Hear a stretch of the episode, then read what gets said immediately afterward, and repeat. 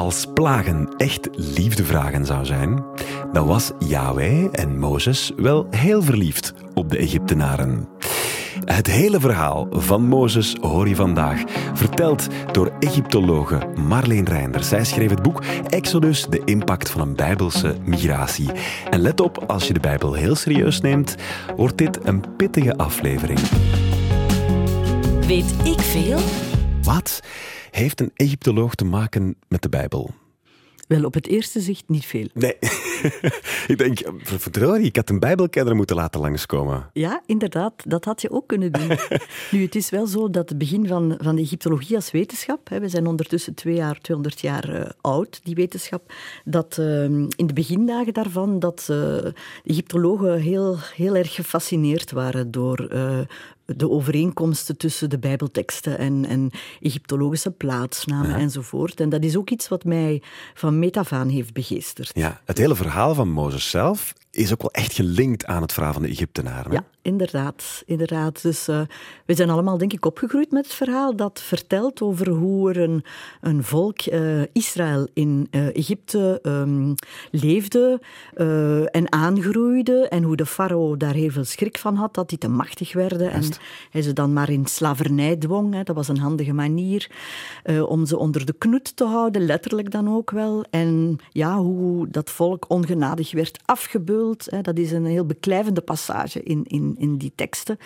En hoe dan daaruit een, een soort van charismatische leider uh, naar voren komt, Mozes. Uh, iedereen herinnert zich nog wel die, die prachtige scène uh, met de geboorte van Mozes en hoe hij inderdaad Um, voor de farao wordt verborgen, hè, want die plant alle kindjes te doden, in, een Nijl, in een mandje in de Nijl wordt gelegd.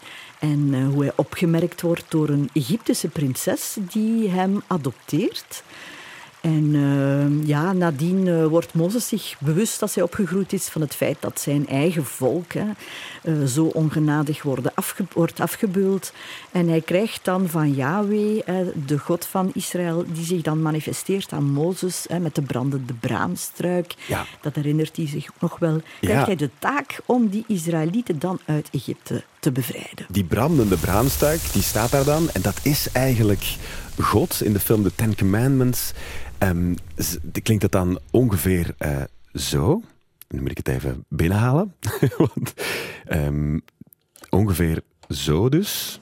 That thou mayest bring my people out of Egypt.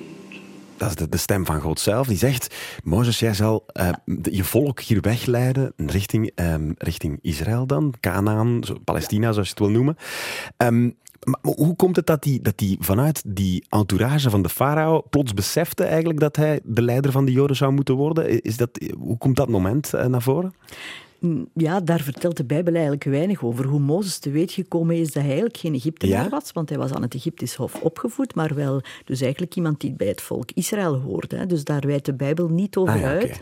Maar we weten wel dat Mozes, hè, die, die uh, een uh, slavendrijver die een man uh, zo ongenadig afranselt dat hij zo gewond is, hij doodt die slavendrijver en daarom moet hij uit Egypte vluchten. Ah, ja. En dan begint eigenlijk de, de taak van Mozes zich te manifesteren.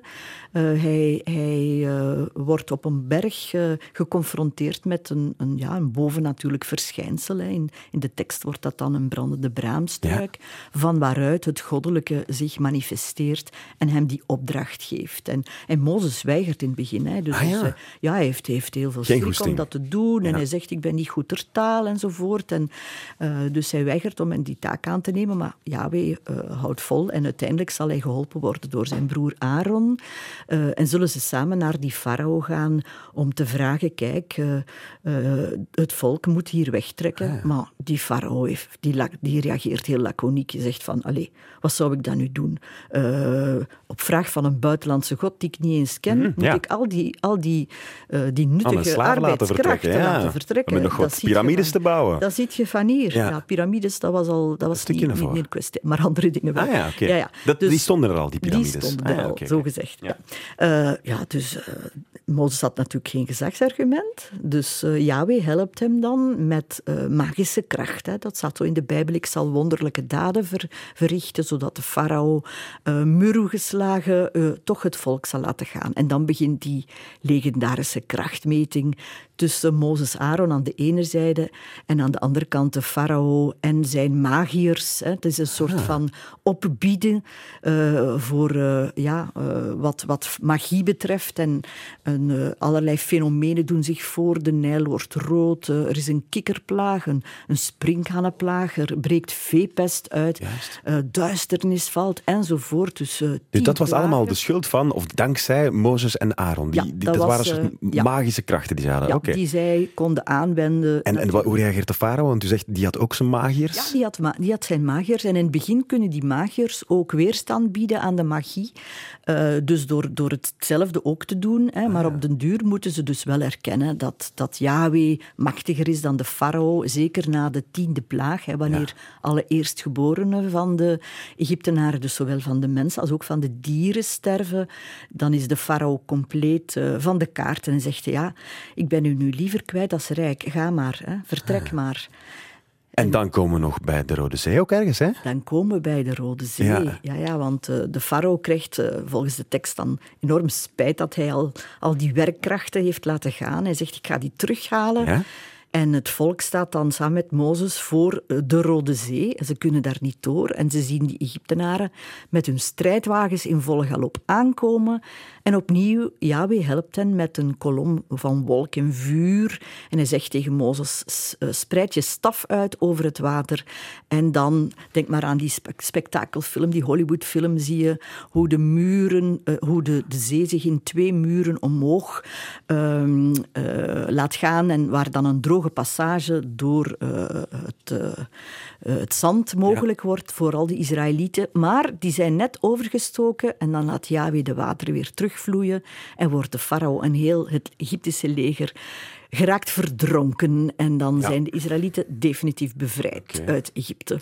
Als je wil zien hoe dat er ongeveer uitziet, in Limburg is er fietsen door het water. Ja, de dat, dat, dat, de Mozesbrug. Ja, dat is exact ongeveer zo. Maar dan hoop je dan, als je Egyptisch bent, dat niet instort. Maar dus, dan komen ze daardoor. Die tien geboden heeft hij ondertussen ook nog ergens uh, opgescharreld. Ja, ze, ze, moeten dan uh, eh, 40 jaar door de woestijn. En je kan je eigenlijk wel afvragen, waarom doen ze dat? Want de farao is, toch, ja. de farao is verslagen, heel dat Egyptisch leger is verdronken.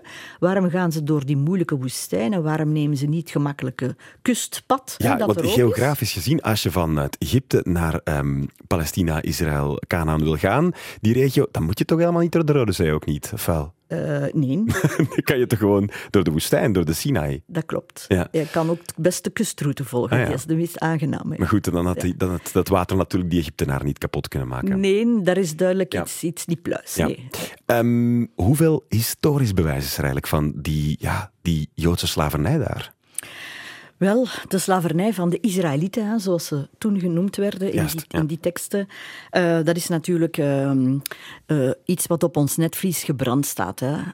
van die on ongenadige uitbuiting, de mensen die daar onder zware druk stonden, mhm. onder enorme beproeving, hard moesten werken en zo verder. Ja. En uh, ja, ik ben op zoek gegaan naar uh, materiaal. En uh, buiten de Bijbel om, we noemen dat buiten Bijbels bronnenmateriaal. Dat wil zeggen, alle mogelijke soorten elementen die buiten de Bijbel om hè, ons hebben bereikt. Bijvoorbeeld archeologische opgravingen, teksten, ehm, allerlei soorten artefacten enzovoort, die iets meer kunnen vertellen. En zo heb ik duizenden bronnen geraadpleegd over, het gaat over dienstverband. Welk dienstverband was er allemaal in Egypte? Um, dat maakte deel uit van het economisch systeem. Uh, Wie waren die mensen?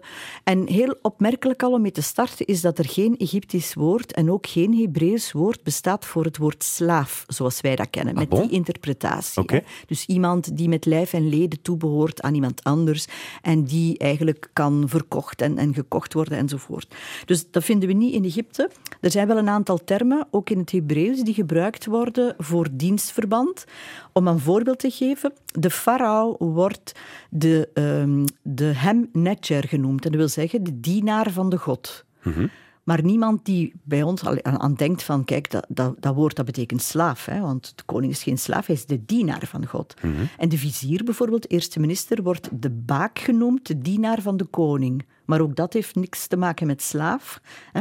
Eigenlijk uh, wil ik zeggen dat we uit de context van die algemene woorden moeten proberen af te leiden welk soort dienstverband dat was. Ja, ja. Je kan niet zomaar uh, het woord baak en hem vertalen met slaaf. Hè. Want daarnet zei je ook al van die, die, bijvoorbeeld die piramides, die, die bestonden al in de ja. periode waar, waarover we nu spreken, die bestonden zelfs al langer voor. Terwijl in mijn hoofd is dat bijna gelinkt aan elkaar. Ik zie die Joodse slaven die, Nee, die nee, piramides nee. bouwen. Maar dat, dat is dus ook niet door slaven gebouwd, want dat bestond niet bij de Egyptenaren. Nee, nee Ah, ja. dat, waren, dat waren vaste werkkrachten. Ah, ja. En je had in, in Egypte het systeem van herendiensten. Dat wil zeggen dat de farao mensen kon opvorderen hè, uit, de, ja, uit de burgerij om voor hem klusjes te komen doen. En dat kon zijn het uitbaggeren van, van kanalen die dicht waren geslipt, of een weg Een aanleggen. soort van belasting die je betaalt, maar dan met werk. Inderdaad, Ja, ja. ja, Dus dat zijn herendiensten. En dus bij grote bouwprojecten werden dus heel veel mensen ge, eh, opgevorderd. eh, en samen met seizoenarbeiders, hè, boeren die tijdens de overstromingsmaanden werkloos waren, die werden opgevorderd enzovoort. Dus dat was een systeem dat bestond. En ook het systeem ehm, van eh, horigen. Ehm, dat zijn mensen, zoals wij het woord horigen kennen, die toebehoren aan hè, een landgoed bijvoorbeeld, die daar als boer of als wijnplukker werken enzovoort. En wanneer zo'n landgoed verkocht wordt, van de ene naar de andere eigenaar overgaat, gaat dat ook over met heel de infrastructuur. En de hè. mensen. En de mensen. Dus zo hebben wij met onze westerse bril een, idee over dat dat slaven zijn, maar het, het systeem is veel genuanceerder en eh, veel verfijnder dan dat. Dus het is een groot probleem om effectief eh, in al die teksten iemand echt als slaaf te, Ja, kunnen, ja, te kunnen... Dus we kunnen die mensen daar ook niet plaatsen, die Israëlieten, zoals ze dan toen genoemd werden, kunnen we daar ook nog niet goed plaatsen. Misschien de andere delen van het verhaal even overlopen. De plagen zelf, want zo waren er natuurlijk ook. Persoonlijk neem ik eh, teksten als de Bijbel niet per se helemaal letterlijk. Ik denk dat, dat mensen dat, daar ook goed aan zouden doen om dat vaker te doen. Maar bijvoorbeeld sprinkhaangeplagen, die waren er wel, hè? Ja, inderdaad, dat klopt. Ehm, dus op zich is elke plaag eh, perfect te begrijpen. is een natuurfenomeen. Hè. Sprinkhanenplaag is iets wat eh, doorheen de vele eeuwen en nu ook nu nog eh, landbouwers kopzorgen baart. Ja, ja. Ook, ook insectenplagen, veepest, dat bestaat allemaal. Dus elke plaag op zich kan je terugvoeren Kikkers? naar een natuurlijk fenomeen. Kikkerplagen? Kikkerplagen. Bestaat dat echt? Inderdaad, ja. Ah. Ja, in onze Kempense vijvers gedijen bepaalde soorten eh, uitheemse Ja. kikkers eh, eh, onwaarschijnlijk goed. Ja. En bijvoorbeeld dus van die, die, die dierenpest, die, die koeien die sterven, ja. dat, ook dat, daar hebben we bewijzen van. Dat weten we dat dat bestond al in die periode. Ja, ja, zeker. Ah, ja. Absoluut. Ja, ja, klopt. En dat van het water dat plots bloed werd. Rood werd, ja. Ah, rood. Rood werd, Ik ja. dacht bloed. Nee, ja, rood werd rood. Water werd bloed, water werd rood. eh, En dat kan wel. Wel, ook dat wordt eh, verklaard vanuit eh, een, een bepaald soort alge die met de overstroming meekomt en, enzovoort enzovoort. Nu, elke plaag op zich is een natuurlijk fenomeen, maar de combinatie van die plagen als Ja. een cyclus, hè, dus het zijn negen plagen plus één, eigenlijk tien eh, plagen, dat is heel erg problematisch. Ja. Want als je, zoals je net aan het vertellen werd, al die plagen opsomt, dan merk je dat de dieren verschillende keren sterven. Hè, door de veepest sterven ze, maar ook door de hagel die op hun eh, Ah, ja. valt eh, als ze al buiten op het land staan. Maar ook eh, tijdens de laatste plaag, alle eerstgeboren dieren, die sterven verschillende keren. En ook de Joodse rabbijnen hebben daarop gewezen dat dat dus eigenlijk niet... niet allee, Ja. dat dat een onbegrijpelijke... Ze waren al op na de tweede plaag. Ja, inderdaad. En hoe had de farao dan nog beschikking over zoveel paarden Ja, om ja. de Israëlieten te achtervolgen? Dus En daar wat- is wel een beetje overdrijving is daar wel aan de orde. Ja, inderdaad. De taalgebruik is, is heel specifiek. En wat nog opmerkelijker is, is dat Yahweh die plagen heel selectief uitstuurt. De Joden hebben er geen last van. Alleen de Egyptenaren worden getroffen Ja, ja, en de Israëlieten die tijdens, eh, of die tussen die Egyptenaren wonen of, of ergens in een bepaald gebied, die hebben daar helemaal geen last van. Het zou zijn alsof je COVID-19 alleen naar Rusland zou Mm. sturen en alle andere landen worden daarvan gevrijwaard. Ja. En bij mijn weten is dat pure magie. Hè? Plagen eh, selectief uitsturen, dat lijkt me toch... eh, Absoluut. Eh, de splitsing van de zee, dat is iets wat ook echt tot de verbeelding spreekt. Wanneer Yahweh die staf in de lucht stopt en dan hap, die zee die splitst. Als een soort storm gaat die open. Ja. Weten we daar iets? Is daar een bepaalde aanleiding voor? Kan je dat verklaren op een manier? Wel, daar heeft men ook gezocht naar uh, heel veel verklaringen. Trouwens, voor de plagen ook in het ecosysteem, vulkaanuitbarstingen en zo verder. En specifiek voor de Rode Zee heeft men gedacht, kijk, uh, uh, zijn er misschien winden die moerassen kunnen droog waaien enzovoort enzovoort. Maar het probleem situeert zich op een ander niveau. Niet of dat een natuurfenomeen is dat kan voorkomen, wel op het gebied van de, van de taal die gebruikt wordt. Want als je bedoelt de huidige Rode Zee oversteken, ja. dat is echt een mirakelklus. Hè, met duizenden uh, mensen enzovoort, vee, kinderen. En... Maar um, ons woord Rode Zee kennen wij uh, vanuit de Griekse Bijbelvertaling. En um, die vertaling, Erutra, rood, en Thalassa, zee, is een Griekse uh, omzetting van wat er in het Hebreeuws staat. Want de Bijbel is uiteraard oorspronkelijk in het Hebreeuws geschreven. En daar lezen we niet Rode Zee, maar wel Rietzee, Yam Soef. Dus denk je, ja, die Grieken hebben gewoon zich vergist? Of waarom hebben die... Dat was geen zee, dus dat, dat was gewoon riet. Riet, ja, moerasplaats. Moeras, ah, oké. Ja. En waarom hebben die Grieken dat gedaan? Ja, waarom? Want dat is toch niet correct vertaald. Wel, uh, zij kenden uh, de wateren rond het Arabisch Schiereiland noemden zij de Rode Zee. Omwille van de rode algen in het water. Het water zelf was niet rood, maar Vandaar de dat bloed misschien algen, ook wel. Inderdaad, rode algen. En ook omwille van het feit dat daar in dat gebied de steensoort heel rood is. Ze noemden bijvoorbeeld het land ten zuiden van Egypte Eritrea naar Erutra. En dat is nog Ah, altijd bekend komt dat als daar vandaan? Eritrea. Dus met andere woorden, de Grieken hebben eigenlijk ehm, eh, eerder een geografische interpretatie Ja, ja, ja. gegeven dan een echt correcte vertaling. En ze hebben dus eigenlijk hun kennis van dit gebied geprojecteerd in hun vertaling. Oké, dus ze hebben dat eigenlijk verkeerd vertaald en wij zijn dat blijven ja, Ja. vertalen in andere talen, Ja. in moderne talen en zo is dat verder gegaan. Maar dus die rietzee, wa- wat zou daar dan de betekenis van kunnen zijn? Is er wel een rietzee gesplitst door Mozes? Wel, nee, eh, Rietzee is ook een problematisch woord. Komt maar drie keer of een paar keer voor in de Bijbeltekst. Ehm, en het gaat dus over een moerassig gebied. Dat is wel duidelijk dat ze dat bedoelen. Maar waar ligt dan die Rietzee? Is er een specifieke Rietzee? Wel, blijkt van niet. Eh, de term Yam Soef wordt op verschillende plaatsen in de Bijbelteksten gebruikt. En die locatie die is niet eenduidig. Eh, ook op plaatsen waar bijvoorbeeld nooit riet heeft gegroeid. En vandaar kiest men er nu voor om niet meer over Rietzee te spreken, maar gewoon over zee. De doortocht door de zee. En waarom dat beeld is ingevoegd? Wel, daarvoor moeten we teruggaan naar de mythologie van het oude nabije Oosten. Oké, we gaan dieper in de geschiedenis. We gaan dieper ja. in de geschiedenis. maken echt een tijdsreis naar het oude nabije Oosten. Dat bedoel ik de culturen van de Tigris en Eufraat, Mesopotamië enzovoort.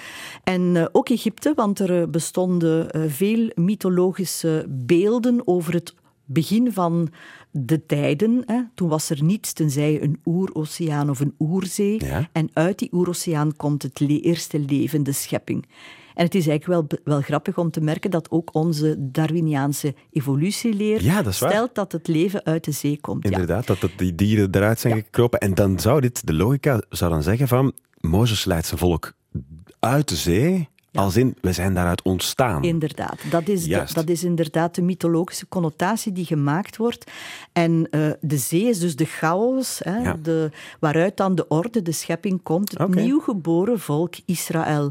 En de vijand, hè, de farao en zijn legers, hè, die worden dan verzwolgen door diezelfde oerzee. We hebben nu al ja, een beetje al die verschillende plagen, die, die, al die gebeurtenissen in dat hele Exodus-verhaal wat aan de kant geschoven. Marleen Reinders, Mozes zelf, heeft die bestaan? Wel, het is misschien heel vreemd en voor sommige mensen zal dat heel eh, impactrijk zijn dat de oudste teksten die we hebben, dat die helemaal geen melding maken van Mozes. Eh, terwijl Mozes voor ons altijd heel intrinsiek verbonden is geweest met het Exodus-verhaal. In die oudste teksten of tekstfragmenten is het Yahweh zelf die overal de actie onderneemt. Waar komen die teksten vandaan? Is dat echt, dat is echt van die tijd toen opgeschreven al? Of is dat ook wel door... Ja, ja, ja. Dat is Daar ga overgeschreven. ik straks iets meer over Oké. zeggen, over hoe die tekst allemaal tot stand zijn gekomen. Ja. Maar dus, eh, het is trouwens opvallend dat in de Bijbel, in die Bijbelteksten, altijd over Mozes wordt gesproken in mythische taal. Dat wil zeggen, we spreken over zijn legendarische geboorte en ook over eh, wanneer hij eh, sterft, dat tot op de dag van vandaag niemand weet waar zijn graf is. Ja. Hè. Nu, de figuur van Mozes is dus pas later in die tekst ingevoegd, eh, omwille van de specifieke functie die Mozes vervult als mediator tussen eh, Yahweh, hè, God, en het volk. Hij is wel een soort van profeet, verkozene. Profeet van God, inderdaad. En ehm, om misschien eventjes te komen op zijn problematische geboorte. Hè, dus de farao heeft een besluit laten uitvaardigen dat al die, de Israëlitische jongetjes moeten, moeten, gestorven, moeten, moeten gedood Mhm. worden liever. Vandaar het verhaal van eh, het, eh, het eh, verbergen van Mozes als boerling eh, op de Nijl in een rieten mandje enzovoort. Wel, die problematische ehm, ge, geboortetaferelen, dat is blijkbaar een heel bekend literaire genre in de literatuur van toenmalige oude nabije Oosten. En ehm, ehm, de auteurs van zulke traditie die willen eigenlijk de afkomst eh, van een nobel iemand ehm, en van een groots leider hè, vanaf de geboorte al in de schijnwerpers zetten. Hè. We herinneren ons bijvoorbeeld, er zijn gelijkenissen met de Sargon-legende. Ook Sargon wordt als kleine boreling in een rieten mandje Ah, ja. eh, in de Eufraat gelegd. Denk ook aan het latere voorbeeld van de, uit de klassieke oudheid, Romulus en Remus, Ja. hè, die te vonding worden gelegd in de Tiber. En ook in Egypte hebben zulke verhalen. De godin Isis die haar jong kind, haar boerling Horus, ook in de moerassen moet verbergen en zo verder. Dus er zijn heel wat parallellen die ook dus in deze literatuur eh, zijn opgenomen. En dus het feit dat Mozes ehm, al van bij zijn geboorte in de schijnwerper wordt gezet, eh, omdat hij tot grootse daden Ja. eh, is in, zal, sta- in, zal in staat zijn, wordt weerspiegeld in de naamgeving van Mozes. Hè. Bijvoorbeeld, Mozes wordt gevonden door een Egyptische prinses. Vind je dat niet bijzonder vreemd dat die Egyptische prinses eh Hebreeuws zou spreken? Ze zegt, ik heb hem Mozes genoemd, want ik heb hem uit het water gehaald. Eh, Mozes, betekent dat wat? Ja, dat is een, een, een Hebreeuws werkwoord, uittrekken. En dat kan zowel Ah, zo, vertaald worden als uittrekken, ik trek hem uit het water, als hij trekt uit. Ja, ja, ja. En het is eigenlijk dus een doelbewuste woordspeling van de Hebreeuwse bijbelauteurs om dus al eh, vooruit te, te, Op zijn grootste daad. op zijn grootste Ja, ja. daad inderdaad, te anticiperen. Hij is degene die met het volk uittrekt uit Egypte. Want Mozes, is hij ook niet degene die de Torah volgens de Joden geschreven heeft? Ja, hij wordt eh, in sommige middens als de auteur van, de ja. eerste, van, de, van die vijf eh, En die tien geboren, wa- waar, waar komen die dan vandaan? Wel, ehm, ik heb al, al eh, verwezen naar die, die onzinnige trektocht, 40 jaar door de Sinaï, terwijl ze eigenlijk een gemakkelijker parcours gegaan. Eh, nu, omdat ze dus duidelijk niet voor een praktische of een logische oplossing is gekozen, zet ons dat al aan het denken dat die hele tocht eigenlijk ehm, een theologische betekenis heeft. Ja. Heel die tocht wordt de loyaliteit van de Israëlieten op de proef gesteld tegenover Yahweh. En we kunnen dus zeggen dat die tocht eh, de leerschool is geworden van de Israëlieten. En natuurlijk, de kers op de taart is het, de, het moment dat Yahweh zich voor het eerst zal manifesteren op de berg. Ja. eh, Sinaï wordt vaak gezegd. En ook dan met zijn eigen vingers de, op twee tafelen de tien geboden schrijft. En het is Mozes die die tafelen eh, naar het volk moet brengen. En ehm, dat is dus de belangrijkste taak van Mozes als, als ja, mediator tussen het goddelijke, hè, die de goddelijke teksten hè, door zijn eigen hand geschreven aan het volk Israël brengt. Nu, die teksten op zich zijn opmerkelijk, die zijn ook veel later toegevoegd in het verhaal. Ah, bon? Inderdaad. En die lijken heel erg, als je ze leest... Wij kennen de gestileerde rijmvorm Ja. hè, van bovenal bemenen in God uit de catechismus enzovoort. Mhm. Maar als je in het Hebreeuws de teksten leest, dat zijn heel uitvoerige, lange eh, teksten. Dat is echt en een die wettekst. verschillende, ja, verschillende pagina's enzovoort bestaat. En als je die wetteksten leest, dan valt het op dat die heel veel gelijkenis vertonen met ehm, bijvoorbeeld andere codices uit het oude nabije Oosten, codex voorbeeld van Hammurabi enzovoort. En dat er dus duidelijk een gemeenschappelijke basisnorm was hè, in ja. het oude nabije Oosten, waaraan dan specifieke casussen worden eh, toegevoegd uit de praktijk. Oké, maar dus we weten al, Mozes, eigenlijk is er veel aanwijzing stond niet in de eerste teksten. De naam is Hebreeuws en gegeven zogezegd door een Egyptische. Uh, ja, al die verschillende fases, die, die plagen enzovoort, dat zijn dingen die daar allemaal voor. Dat is eigenlijk een theologisch verhaal, geen historisch verhaal, zegt u. Ik krijg hier via de app van Radio 1 een paar vragen, want er zijn een paar mensen die dat verhaal kennen, uh, duidelijk, en die zeggen van, zou er een link kunnen zijn? Zou dat eigenlijk, Mozes, niet de farao Achnaton of Achanaton, er zijn verschillende schrijfwijzes hier, uh, kunnen geweest zijn. Want die heeft ook een monotheïstische godsdienst ingevoerd, ja, blijkbaar. Dat is inderdaad een, een, opmerking en een vraag die ik heel vaak krijg. Hè. Uh, op het eerste zicht lijkt dat natuurlijk naadloos bij elkaar aan te schuiven en is dat een, een interessante piste. Maar als, we, um, als je beter ingelicht bent over de context van Achnaton, dan zie je toch dat het twee compleet verschillende zaken zijn. Achnaton leefde in de 14e eeuw voor Christus en was eigenlijk iemand die doelbewust is overgegaan van het polytheïsme naar het benadrukken van één god, Aton. Ah, Oké. Maar Aton was de zonnegod, Aton? ja, een facet van de zon. Ah, ja. Eigenlijk het licht van de zon, dat was Aton. Nu, die Aton-religie is niet exclusief monotheïstisch. Er zijn nog andere goddelijke concepten die door Achnaton worden aanvaard. Dus zo mono is dat monotheïsme niet. We noemen dat henotheïsme. Dus binnen een wereld van veel goden wordt één god benadrukt, Ja. exclusief benadrukt. En het, de theologie van Achnaton was eigenlijk eh, erop gericht om in een exclusieve relatie te staan hè, met die god Aton, om zo zijn macht te verhogen. Oké. En dat is misschien wel een beetje een gelijk, gelijkend beeld. Hè. Mozes was dan ook de mediator tussen het volk en tussen, tussen God.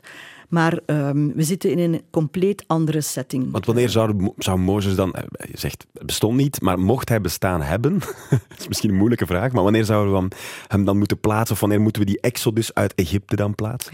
Wel, dat is een hele moeilijke vraag. Um, we kunnen zeggen, volgens de Bijbelse chronologie, en dat is dus uh, het, uh, ja, de chronologie die we uit de Bijbelteksten min of meer kunnen afleiden. Dat is wel een groot puzzelwerk. Ja. Zou die exodus hebben plaatsgevonden in 1400 voor Christus. Ja, oké. Okay. Heeft die plaatsgevonden? Er is heel veel interesse om dat te weten te komen. Een half eeuw geleden zou uw vraag als compleet irrelevant zijn beschouwd. Toen werd er niet getwijfeld aan Ja. Het bestaan van een exodus uit Egypte. Maar nu zijn we een paar decennia verder en heel wat nieuw materiaal, rijker. Ja. De Bijbelwetenschap heeft enorme uh, sprongen vooruit gemaakt over de totstandkoming van de teksten.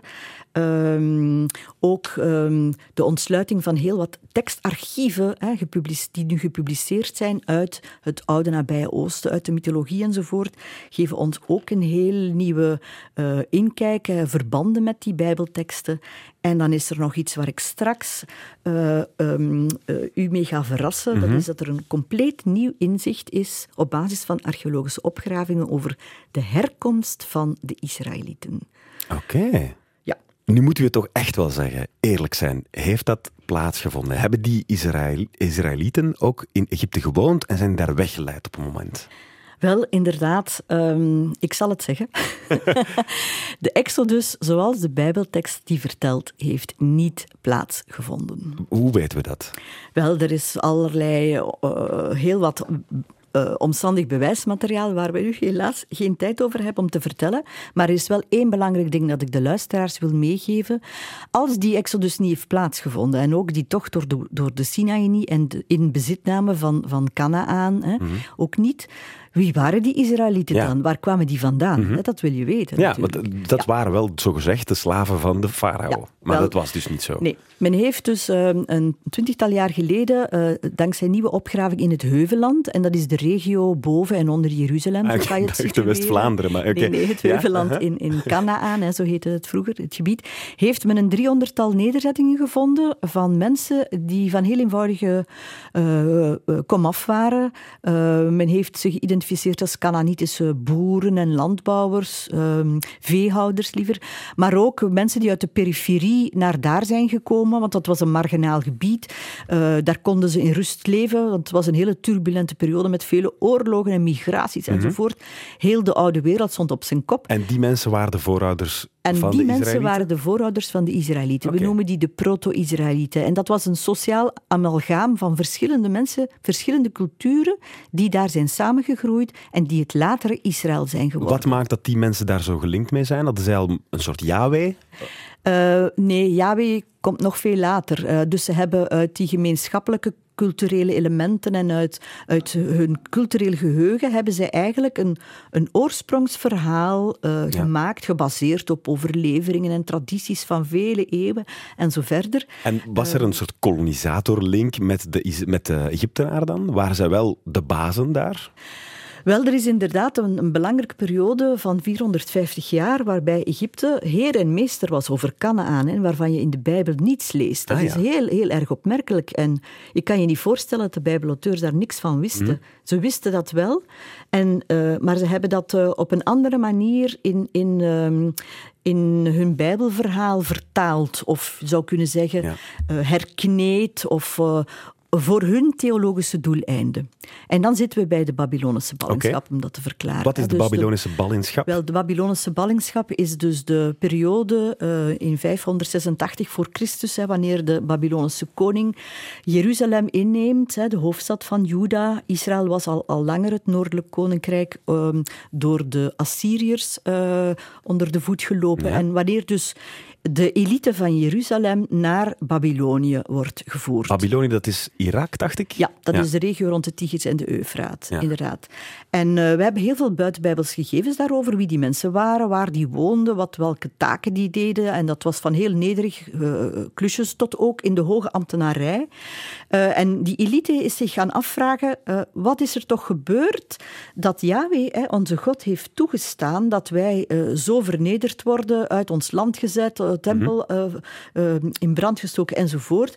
Eh, dus het was eigenlijk een hele diepe reflectie over wat is die God Yahweh voor ons dan wel? Waarom moeten wij daar aan vasthouden als die ons eh, niet heeft gesteund? Tweede element wat belangrijk was in die Babylonische ballingschap is dat ze in contact zijn gekomen met heel veel nieuwe ideeën daar. Want Babylon was ook de erfgenaam van vele oude culturen, waarbij dus de Israëlieten hè, zich de vraag hebben gesteld van hoe ziet ons religieus, ons ideologisch denkpad eruit? Ja. En ten derde, en dat is misschien wel het belangrijkste voor wat het Exodus-verhaal betreft, zochten zij naar een identiteit. Ze hadden alles verloren. Wel, ze gaan een identiteit opbouwen. En dat wordt het Exodus-verhaal. Exodus is dus het oorsprongsverhaal. Eh, Het is ook een manier om hoop te hebben. Want het is ons al eens overkomen, lang geleden. Zo Ja. specifieren dat niet. Maar we zijn ooit uit Egypte weggetrokken. Ja. Dus nu kan het opnieuw. ja, want het- de, de terugkeer uit de ballingschap wordt ook beschouwd als een tweede Exodus. ja, ja. Maar dat staat ook beschreven wel in de Bijbel? inderdaad. Oké. Ja, ja. inderdaad. Ja. En, en toen zeggen ze van, ja, vorige keer was er Mozes, deze keer zal er ook wel iemand opstaan die ons kan helpen. Ja, inderdaad. En ehm, zo hebben ze dus hun bestaan nadien dan terug in, Ja, in Canaan, wat dan nu eh, wat dan Israël werd, hè, eh, het volk Israël. En vanaf dan spreken we pas over Joden. Jehudim, nooit vroeger dan de Babylonische ballingschap. Want daar hebben ze dus een, ex, een oorsprongsverhaal gecreëerd. Eén God, één volk en eh, eh, een unieke relatie hè, met eh, die wetgeving. Oké.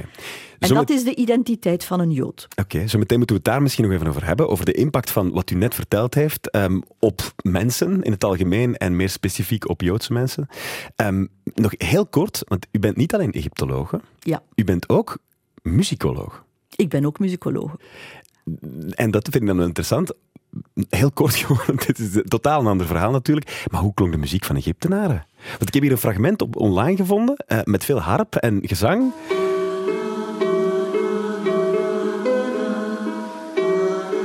Was dit zo wat eh, de Miley Cyrus van de Egyptenaren? Klonk dat zo? Nee, wellicht niet. Dit is gebaseerd op westerse toonmodellen. Hè.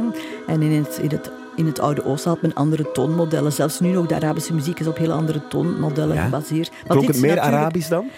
We weten dat niet. Ah ja, Ehm, ehm, ik heb in, in mijn onderzoek eh, mij daarop toegespitst. Eh, Ik heb eh, muziekinstrumenten onderzocht, afbeeldingen onderzocht van, van voorstellingen van orkestjes en Ja? zangers en teksten van liederen enzovoort. Maar we hebben geen notatie. Ah. Dus we kunnen alleen op basis van, van ja, hoe ziet een instrument eruit, wie speelt samen, kunnen we misschien afleiden dat de Egyptische muziek uit één melodie bestond, hè, gezongen, eventueel uh, dezelfde melodie ondersteund door een harp of een fluit enzovoort. Het is heel onwaarschijnlijk dat ze uh, polyfoon of in, har in, harmonieën al, al, al dachten. Okay. Maar om eerlijk te zijn, ik had jou graag uh, hip-hop ja, meegebracht. Absoluut. Maar dat nee, kan graag. ik ja, ja, en zeker niet over Mozes, want die bestond dus niet. Maar dan komen we bij een andere vraag, want u heeft daar een boek over geschreven nu net. Exodus, de impact van een bijbelse migratie, waarin eigenlijk heel dat verhaal, waar zoveel mensen zoveel aan hebben, onderuit haalt. Hoe reageren mensen die heel gelovig zijn daarop? Ja, ik krijg af en toe wel tijdens lezingen wel, wel eens de opmerking van wat hebben ze ons toch vroeger allemaal uh, geleerd en, en, en, en, en, en uh, voorgespiegeld. Wat, kan je daarop reageren? Ik kan alleen zeggen, kijk, ja, uh, dit verhaal is natuurlijk uh, in zijn context te plaatsen. Wanneer wij het verhaal aangeleerd kregen, bekeek men dat verhaal op die manier. Maar ondertussen is er via de wetenschap zoveel veranderd. Ja. En ik wou nog even zeggen, ik heb mij dus ook als Egyptoloog stevig moeten bijscholen in bijbelexegese. Daarom heb ik ook twaalf jaar moeten werken aan dat boek. Om, al die, om vanuit beide invalshoeken uh, het, uh, het uh, element Exodus correct te kunnen duiden. Ja. En wat voor impact heeft dat op iemand? Want zeker in Israël is dat iets wat toch, dat wordt gebruikt als een reden van dit is ons beloofde land. Ja. Mozes heeft ons naar hier gebracht. Dat heeft impact, hè? ook politieke impact. Dat heeft inderdaad heel veel impact. En de Joden houden natuurlijk eh, vast aan dat verhaal van Exodus. Dat is de herinnering bij uitstek, hè, wanneer Yahweh het verbond heeft geschonken. En, en dus het Exodus-verhaal herinneren uh, is natuurlijk uh, heel belangrijk. Het is de kern van hun geloof. Uh, maar dat, dat, dat geloof, hè, één God, één volk, één verbond, dat maakte hen ook uniek te midden van de omringende andere volkeren daar. En dat droeg bij tot hun collectief prestige. En uh, wat het claim op het land betreft, is inderdaad zo. Hè, zij claimen het land uh, op een goddelijke toewijzing. Mm -hmm. Yahweh heeft het ons gegeven. En um, um, eerder dan op een voorouderlijk recht of bezit, want zij waren autochtone Canaanieten. Ze hadden dus uh, op, op basis van erfrecht kunnen claimen. Nee, ze leggen de claim bij Yahweh. Ja. En dat doen ze omdat ze hun oorsprong dus naar buiten hebben geprojecteerd. Ze komen, hè, zogezegd, uit Egypte ja. om binnen in het land, hè, het beloofde land, dan een heel identiteit te zijn. Want ze zijn anders dan de Canaanieten. Wat zeker nu, aangezien er dan doorheen de 2000 jaar die er dan op volgen, um, zijn ze natuurlijk heel vaak ook gaan reizen. Zijn, hebben ze verschillende exodussen meegemaakt. Ja. Zijn ze ook andere landen gaan ja, uh, bewonen en dan teruggekomen ook opnieuw naar ja. dat beloofde land. Dus dat komt wel handig uit. Ja, inderdaad. En dat is natuurlijk uh, een, een, heel moeilijke en, zeer gevoelige kwestie, uh, waar we nu nog altijd de, de, de, de impactrijke gevolgen van zien. Als je bijvoorbeeld denkt aan het neerzettingenbeleid, nederzettingenbeleid van uh, de kolonisten. Erfgoedsites worden bewapend.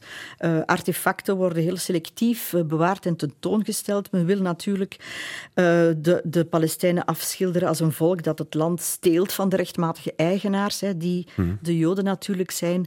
Dus het is een heel, een heel grote problematiek die niet zo meteen opgelost zal geraken. Hoeveel waarde heeft dat verhaal nog voor u? Bijzonder veel. Uh, ik vind het een bijzonder waardevol verhaal omwille van de hoop die wordt uitgedrukt door mensen die vernederd zijn, mm -hmm. die in een heel mooie uh, taal, in heel mooie teksten, met zeer mooie beelden en metaforen, die hoop kunnen uitdrukken. Ja. Daarom blijft Exodus een waardevol verhaal. Ja, het is ook zo, het heeft natuurlijk Elk jaar opnieuw wordt het gevierd. Het Loofhuttenfeest is een van die grote feesten van de Joden, waar ze die tocht door de woestijn ook vieren. Ook op dat vlak, op theologisch vlak, cultureel vlak, heeft dat verhaal gewoon een, een grote impact. Ja, het is een identiteitsverhaal ja. bij uitstek. Ja, maar het heeft dus jammer genoeg niet plaatsgevonden. Nee, maar ja. dat hoeft ook niet. Nee. Dat hoeft helemaal okay. niet. Geen Exodus, geen Mozes, geen plagen, geen gesplitste Rode Zee. Wat een aflevering van Weet ik Veel opnieuw. Nog veel meer interessante afleveringen kan je terugvinden op VRT Max. Weet ik veel?